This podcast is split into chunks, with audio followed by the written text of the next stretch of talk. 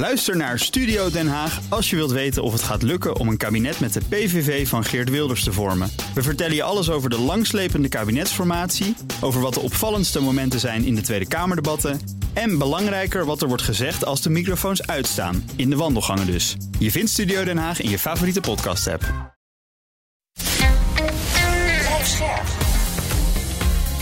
BNR Nieuwsradio. Boekenstein en de Wijk. Conor Klerks. Welkom bij Boekenstein en de Wijk. Het is maandag, dag 425 van de oorlog in Oekraïne. Arend Jan, we beginnen in Gerson. Ja, in het uh, rapport hè, van de Institute for Study of War, wat we altijd lezen, daar, staat, daar staat dus in dat de Oekraïnse troepen, een aantal daarvan, ik weet niet hoeveel, aan de oostkant van de Dnieper uh, zijn gekomen. Dus zeg maar aan de andere kant van de oever. Hè? Ja. Uh, en er wordt ook zo, uh, gezegd dat, uh, dat ook eilanden en de Kinka en de Afrika-rivieren, dat daar dus ook allemaal Oekraïners zitten. Nou, de, de reactie van de Russische troepen die daar zijn, die evacueren allemaal burgers. Dat, doen, dat zeggen ze om dus die mensen te beschermen voor een oorlogssituatie. Maar in werkelijkheid zijn ze verschrikkelijk aan het plunderen daar. Hmm. Nou, verder zijn er. Uh, waarom doen ze, gebeurt het allemaal? Kijk, Gerson, nadat het verlaten is, werd het voortdurend bestookt met de raketten van, uh, van Rusland. Hè? Dus ze proberen, eigenlijk zou het een beetje vergelijken met, die, met de situatie in Kharkiv vorig jaar ook. Hè? Ze Ja. wilden daar een einde aan maken. Nou, dat is hartstikke moeilijk, want die moeten de rivier over. Vandaag was er ook weer een a- luchtaanval met vier eh, Su-35 eh, gevechtsvliegtuigen. Uh, verder de inschatting van de Institute Study voor Gerson is het eigenlijk het meest kwetsbaar voor de Russen. Het is, het onderbemand, niet goed georganiseerd. Uh, en, uh, en er is natuurlijk enorme speculatie, maar dat gaan we morgen pas doen over waar nou, nou, wat, wat er nou echt gaat gebeuren. Hè? Maar Gerson is natuurlijk wel een kandidaat daarvoor. Maar we moeten ook niet vergissen dat de vorige keer was dus die enorme deceptieoperatie. Hè? Dus, Ja. dus, Ze dachten dus dat er in Gerson werd aangevallen en het werd dus uiteindelijk Kharkiv. Hè? Maar goed, ja, dit, nou ja, is... dit is wel interessant hoor, want uh, ja. er is natuurlijk ongelooflijk uh, uh, gediscussieerd, ook in het verleden, van zij nou in staat, die Oekraïners, om aan de andere kant van de, dus zeg maar aan de oostelijke kant van de, de Dnepro te komen. Hè, bij Gerson, dat schijnt dus gewoon gelukt uh, te zijn. En ja. het, het, schijnt nu ook zo gelukt te zijn dat ze in staat zijn om hun aanvoerlijnen overeind te houden. En dat is echt wel heel erg bijzonder. En uh, ja, of je daarmee voldoende troepen kunt genereren om in de richting van uh, de Krim op te drukken, dat is maar zeer de vraag. Want er liggen ook allemaal versterkingen. Uh, en hoe dat precies in elkaar zit, zullen we morgen wel uit te leggen. Maar uh, wat hier gebeurt is toch wel heel erg uh, bijzonder. En ja, wat je al, net al zei, Arjan, is dat die Russische troepen redelijk ongeorganiseerd tekeer gaan daar, helemaal in het zuiden. Tja. Ja, en je ziet het, het overall beeld is ook zo dat Rusland dus naar allemaal defensieve posities gaat. Hè, wat we ook steeds gezegd hebben. Eigenlijk alleen maar in Bakhmut zie je en, en Avdivka vanaf het noorden en in Marinka zie je dus dat ze nog agressief zijn. Voor de rest trekken ze zich als het ware ja. een beetje terug. Hè? Wat, ik, wat ik ook bijzonder ja. vond was het bericht uh, dat uh, de... Uh, de Russen bezig zijn, en dat vind je op die Telegram-kanalen, waar die Russische mailbloggers actief uh, zijn, uh, die zeggen van op dit ogenblik zijn er ideeën om 400.000 contractmilitairen te gaan werven. Ja. en dat wordt gedaan om de huidige situatie te kunnen bevriezen. En dat is toch wel bijzonder dat dat gezegd wordt. je ziet nergens op die Telegram-kanalen uh, dat uh, die Russische mailbloggers roepen van uh, dat gaan we winnen. Uh, dus ze gaan helemaal in het defensief zitten. Dat is ja. toch wel heel bijzonder hoor, moet ik eh, zeggen. En ja. ja. realiseer je dat er nu twee scholen tegenover elkaar staan. En dat is de, de, de Poetin-school, eh, die zijn voortdurend in het offensief aan het gaan.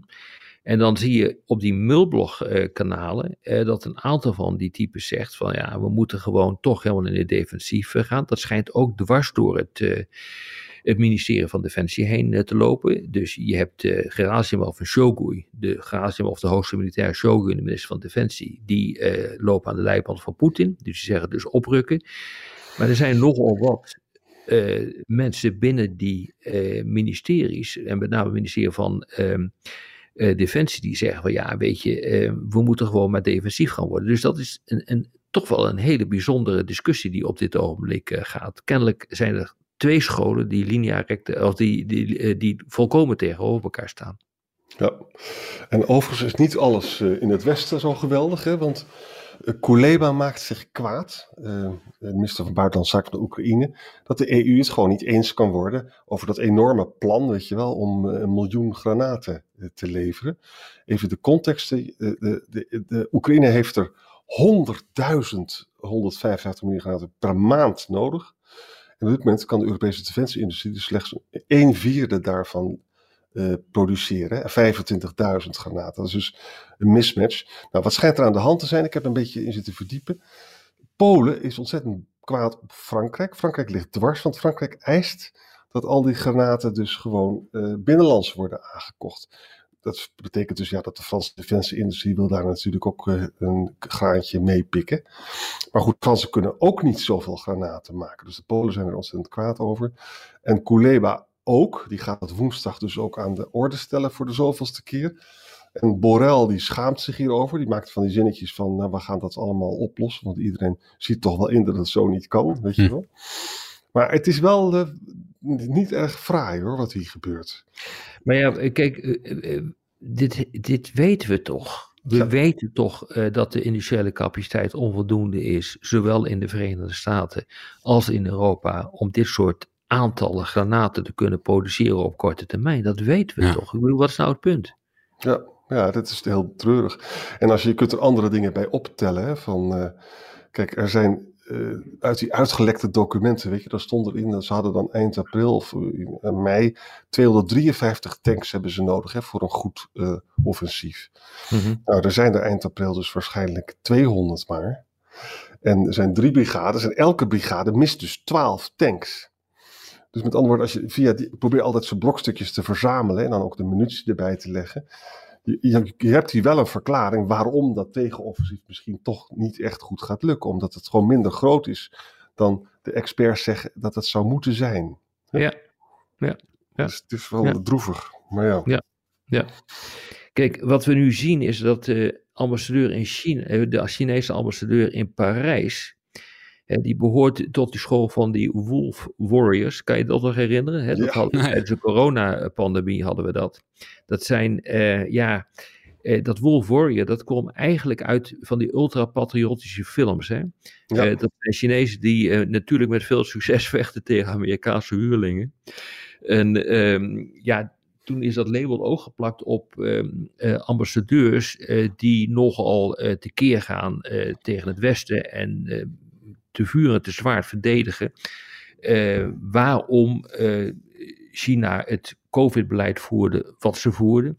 Uh, heel erg agressief. Ook het verzenden van nepnieuws. dat gebeurde bijvoorbeeld op de website van de Chinese ambassade in Parijs op april, in april 2020. Toen werd er gezegd, ja, verpleegsters die zijn bezig om oude vandaag in de steek eh, te laten, zijn bang voor dat virus en ze gaan uit eh, de verzorgingstehuizen en de bejaardentehuizen. Ze laten die mensen helemaal achter ehm, en die gaan nu over, eh, die gaan nu dood van de honger en de dorst. Nou, allemaal flauwekul was dat. Maar dezezelfde man, die begint dus nu te roepen dat er geen enkele juridische grondslag is voor ja, landen als Oekraïne, maar dat geldt ook voor de Baltische Staten en alle, eigenlijk alle republieken uh, die uh, ontstaan zijn na de ineenstorting van de Sovjet-Unie. Dus daar is geen juridische basis zijn. Dus wij kunnen ook niet op die manier de soevereiniteit van die landen uh, erkennen. Dat geldt dan feitelijk ook voor Rusland zelf. de Russische Federatie, want die is ook ontstaan.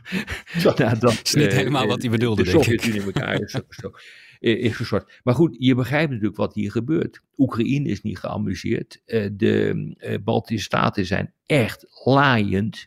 Iedereen begint zijn ambassadeurs nu uh, tot zich te roepen in al die landen. En zeggen, ja, wat is dit voor flauwekul? Het is echt wel bijzonder hoor, wat hier gebeurt. Wat, ja, en, en de, de, woordvoerder dus van Chinese Buitenlandse Zaken heeft zich ja. gedistanceerd. Hè? Mao Ning. China respecteert de soevereiniteit van alle landen. Maar we moeten dit echt even over praten. Want dit is natuurlijk gewoon een on, onvoorstelbare opmerking dit, hè, van Lou Shaye, als ik het goed uitspreek. Hij, ongetwijfeld denkt hij dat ook echt. Hij zegt zo'n wolf warrior, maar het is natuurlijk diplomatiek buitengewoon onverstandig. Het is in allerlei opzichten heel onverstandig om dit soort dingen te doen. Dus waarschijnlijk, er is met die, die nieuwe Xi, die heeft ook een soort afrekening begonnen met die oude Wolf Warriors. Hè. Dat hoorde ik ook wel uit de, uit de podcast die over China gaan. Mhm. Kijk, en dit is natuurlijk een heel goed argument om die man een beetje een andere baan te gaan geven. Dat slaat natuurlijk gewoon echt helemaal nergens op wat hij hier doet.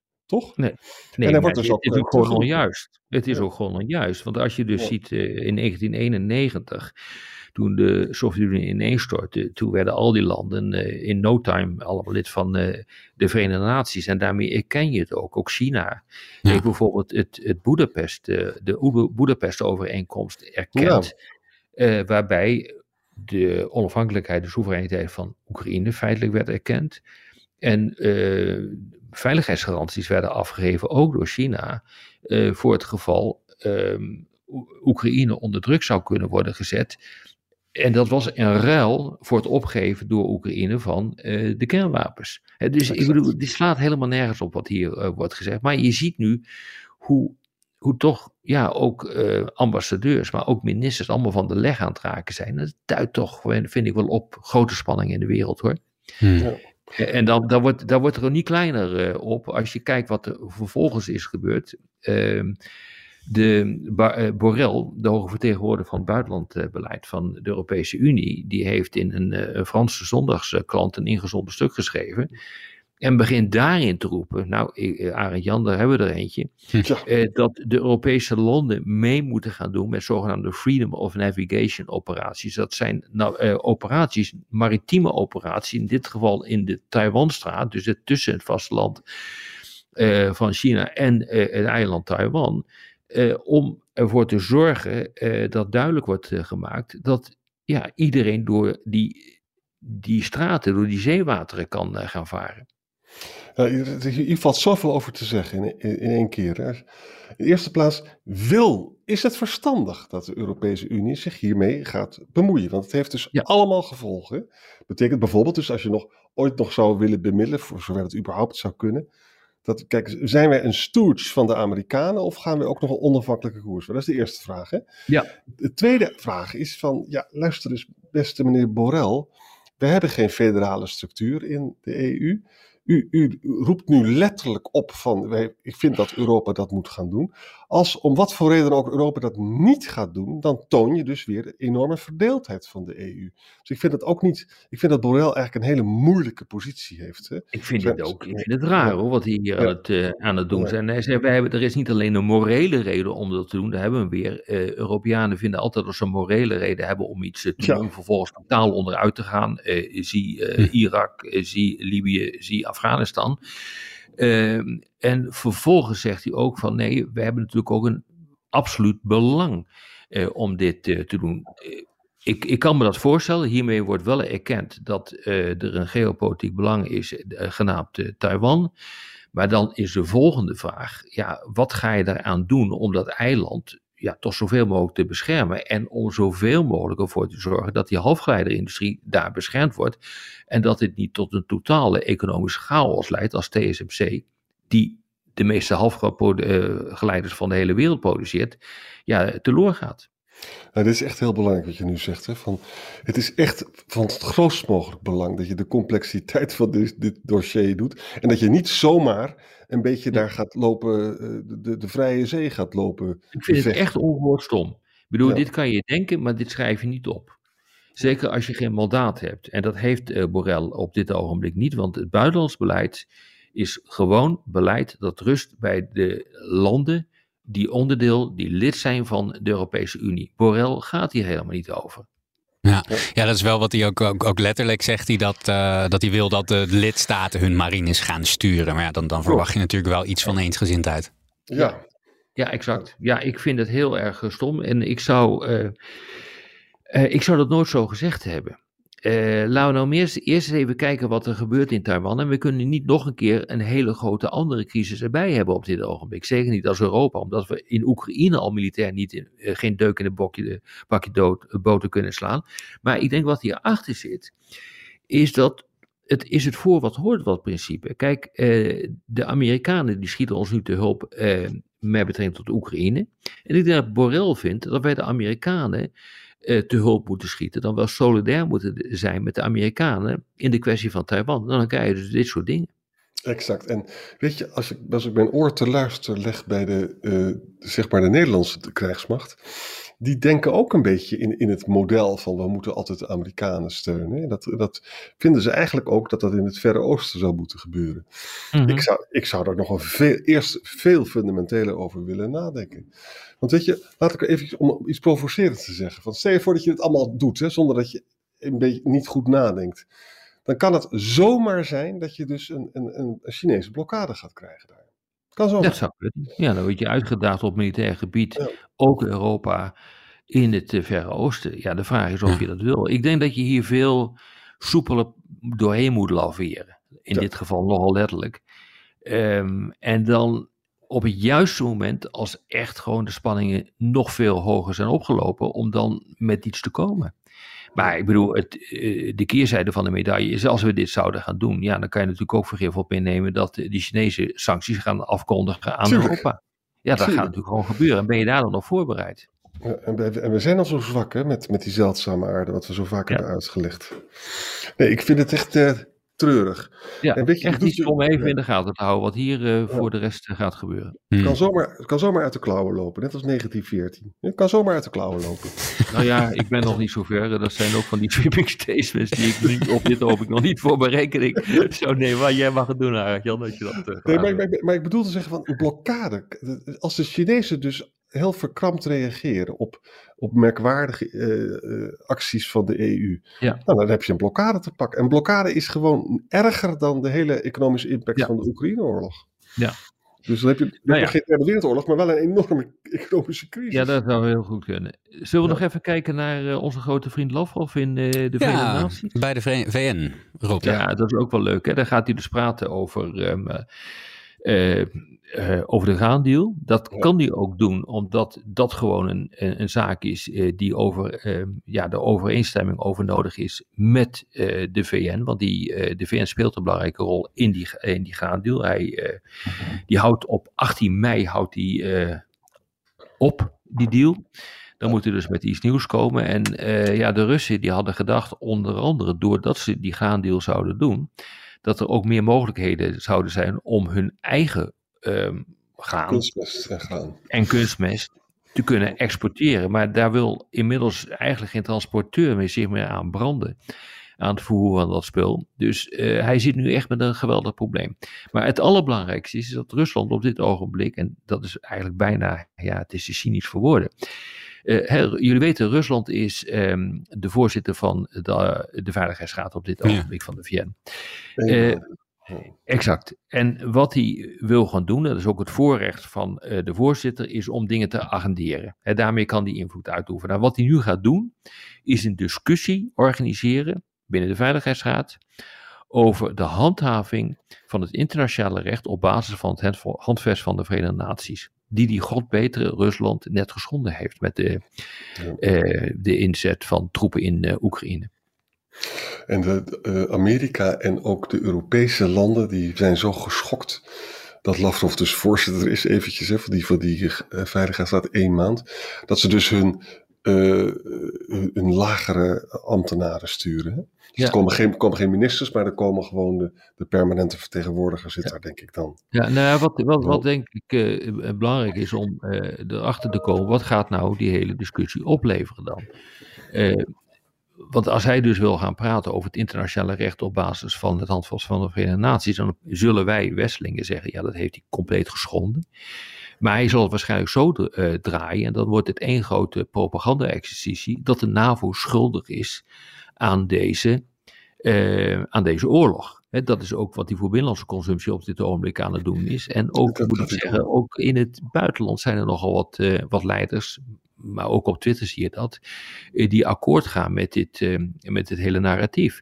Dus wat je, wat je dan ziet, is dat hij zal zeggen van ja, maar eh, de NAVO is continu fout geweest. Want kijk maar naar 1999, oorlog in Kosovo, zonder een mandaat van de Veiligheidsraad. Dus dat kan al niet. Hij zal wijzen op Libië, waar uiteindelijk in 2011 was dat volgens mij een regime change heeft plaatsgevonden. Gaddafi, de toenmalige leider van Libië, is, is gedood.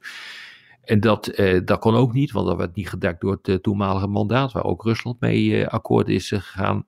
hij zal zeggen van ja, onze steun aan die volksrepublieken Luhansk en Donetsk, tussen aanhalingstekens volksrepublieken, die werden door niemand erkend. Dat hebben we gedaan op artikel, van, op artikel 51 van het Handvest van de Verenigde Naties. En op grond van dat artikel mocht je inderdaad steun verlenen. Maar ja, niemand erkende die volksrepubliekjes, dus dat is ook niet goed. Dus het zal allemaal zo worden gedraaid. Eh, dat Rusland de enige is die in de wereld het handvest van de Verenigde Naties eh, eerbiedigt en het Westen niet. En wat, wat ook dit betekent, en dat is echt heel ernstig. Kijk, de, uh, Rusland zit in die graancommissie. En die zegt nu van ja, het gaat allemaal helemaal niet goed, want er zouden ook Russisch graan en Russische kunstmessen ook geëxporteerd kunnen worden. En dat gebeurt dus helemaal niet, want niemand durft zich eraan te branden. Nou, dat betekent dus dat Lavrov gaat dus gewoon zijn medewerking aan die graandeal, die toch al afloopt, 11 mei of zo, daar gaat hij natuurlijk druk op zetten. En, uh, en dan dwingt hij gewoon af dat er ook een beetje Russische graan doorgeperst kan worden. En dat heeft dus weer grote gevolgen voor de voedselvoorziening in, in Indonesië. En nou ja, dat, gaan, dat kan niet wel exporteren, dat is het probleem. Niet alleen Westen zijn exporteurs, voor zover ik het uh, zie. Die zijn niet uh, bereid om een handen aan te, vallen, uh, aan te branden. Want je hebt toch schepen nodig om al dat gaan en die kunstmesten te, te verschepen. Hè, dat heeft ook te maken met de embargo's en de boycotts en de sancties die Rusland zijn, zijn opgelegd. Ja, was ook met verzekeringen toen met die olie, was speelde dat dan. Exact. Ja, dat soort dingen spelen rol. Ja. Maar goed, hij gaat dus al, overal waar hij kan difficulteren, om het heftig te zeggen, of, of waar hij mhm. dus leverage heeft, zal hij gaan gebruiken. En één daarvan is natuurlijk die bestaande graandeal. Ja. Die hebben de Russen ook wel weer nodig. Zeker. Dat is het ellende. Nou, nog een maand uh, zit hij er. We gaan het in de gaten houden. Ik denk dat uh, dit genoeg was voor vandaag. Dankjewel. Ik denk het ook. We gaan morgen gewoon gezellig verder. Ja, tot morgen. Tot morgen. Ook Hugo Reitsma vind je in de BNR-app. Superhandig die BNR-app. Je kunt alle programma's live luisteren, breaking nieuwsmeldingen. Je blijft op de hoogte van het laatste zakelijke nieuws. En je vindt er alle BNR-podcasts, waaronder natuurlijk de belangrijkste, Boeken zijn in de Wijk. Download nu de gratis BNR-app en blijf scherp.